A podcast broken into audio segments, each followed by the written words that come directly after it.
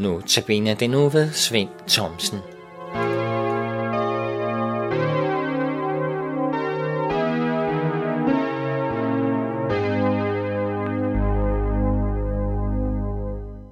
I dag har jeg hentet et bibelvers fra Lukas evangeliet, det femte kapitel og vers 5. Her står, der svarede Simon og sagde, Mester, vi har slidt hele natten og ingenting fået, men på dit ord vil vi kaste garnene ud. Det var Simon Peter, en af Jesu disciple, som sagde dette. Det gamle budskab, det er det, som mange har lært at kende fra de var ganske små. Nogle har måske hjemme hos far og mor, andre måske i søndagsskolen. Og i gamle dage, for at sige det sådan, eller tidligere, så lærte mange det i skolen. Det var dengang, da det var almindeligt, at man havde bibelhistorie som et selvstændigt fag. Vi, der kan huske det, lærte om de bibelske beretninger. Vi blev ikke indoktrineret, men det var en del af den almindelige undervisning i skolen. Sådan er det desværre ikke i dag, og det kan give dig, som kender Bibelen, mulighed for at, tælle, for at fortælle om de bibelske beretninger om Jesus til, til mange andre. For eksempel dine egne børn, dine børnebørn, eller måske naboens børn. Ja, måske endnu til de voksne naboer, for de kender det måske ikke. Det er ikke sikkert, at det er noget, der optager dem i det daglige. Det er jo det, der har betydning for hele vort liv, at det gamle budskab bliver fortalt. Som forfatteren til sangen siger i en af linjerne, om Jesu magt og noget, om Jesu kærlighed, og i en anden linje står der, fortæl det jævnt og stille. Hvorfor? Så det kan trænge ind, det vil sige, giv dig god tid til at læse, tyk rigtig godt på ordet, og prøv at grænse, hvad det er, Jesus vil sige netop til dig. Det skal ikke bare jappes igennem, og gør du det ofte, kan du nok bedre huske det, du læser. Kan vi fortælle noget bedre eller læse noget bedre end om Jesu kærlighed? Kærlighed til den enkelte, både til dig og til mig. Hvert år, særligt ved juletid, hører vi det glade budskab om hyrderne på Bethlehems marker, hvor englene forkyndte om Jesu fødsel, og det kan vi læse om i Lukas evangelie kapitel 2. Frygt ikke, sagde englen. Se, jeg forkynder jer en stor glæde, som skal være for hele folket. Altså ikke bare for hyrderne, men for hele folket. Var det bare for folket dernede i Israel? Nej, det var også for os, vi som er en del af folket, som fik overbragt denne nyhed. I dag er der født jer en frelser. Han er Kristus Herren. Og så skulle hyrderne følge den ledestjerne, som skulle føre dem til det lille barn, som lå i krybben i stallen. Og hyrderne kom og tilbad barnet.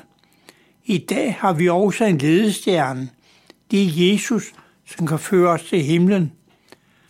Har du ikke mange gange sunget med på sangen, når det var jul? Dejlig er den himmel blå, for her står et af versene. Vi har også en ledestjerne, og når vi den følger gerne, kommer vi til Jesus Krist. Det er dejligt at synge, men tænker vi altid over, hvad det egentlig er, vi synger?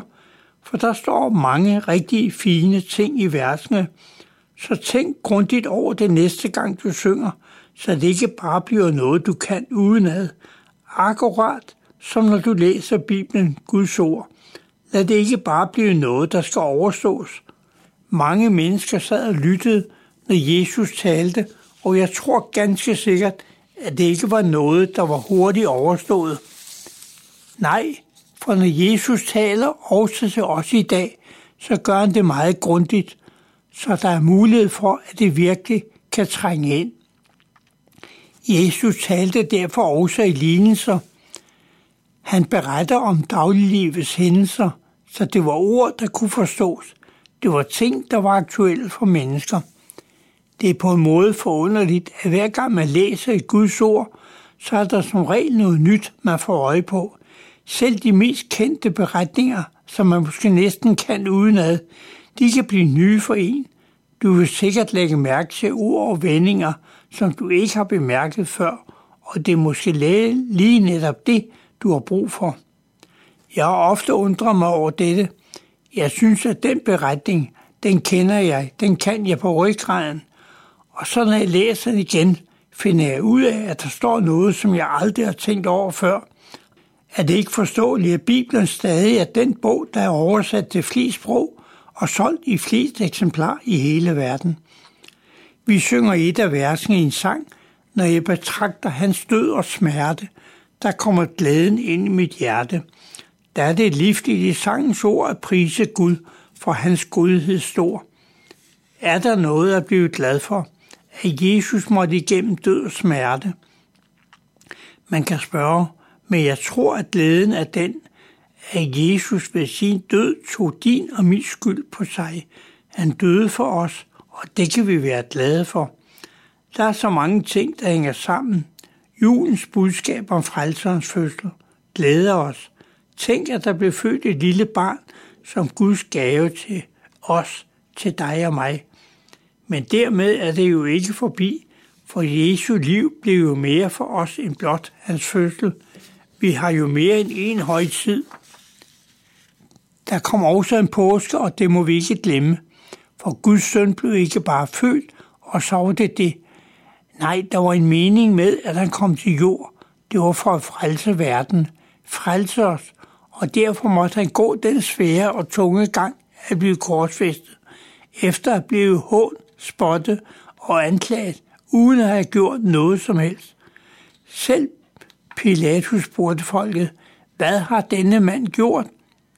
Pilatus selv kunne ikke finde på noget at anklage Jesus for, men han måtte lytte efter folkets røst, og han måtte dømme Jesus til døden.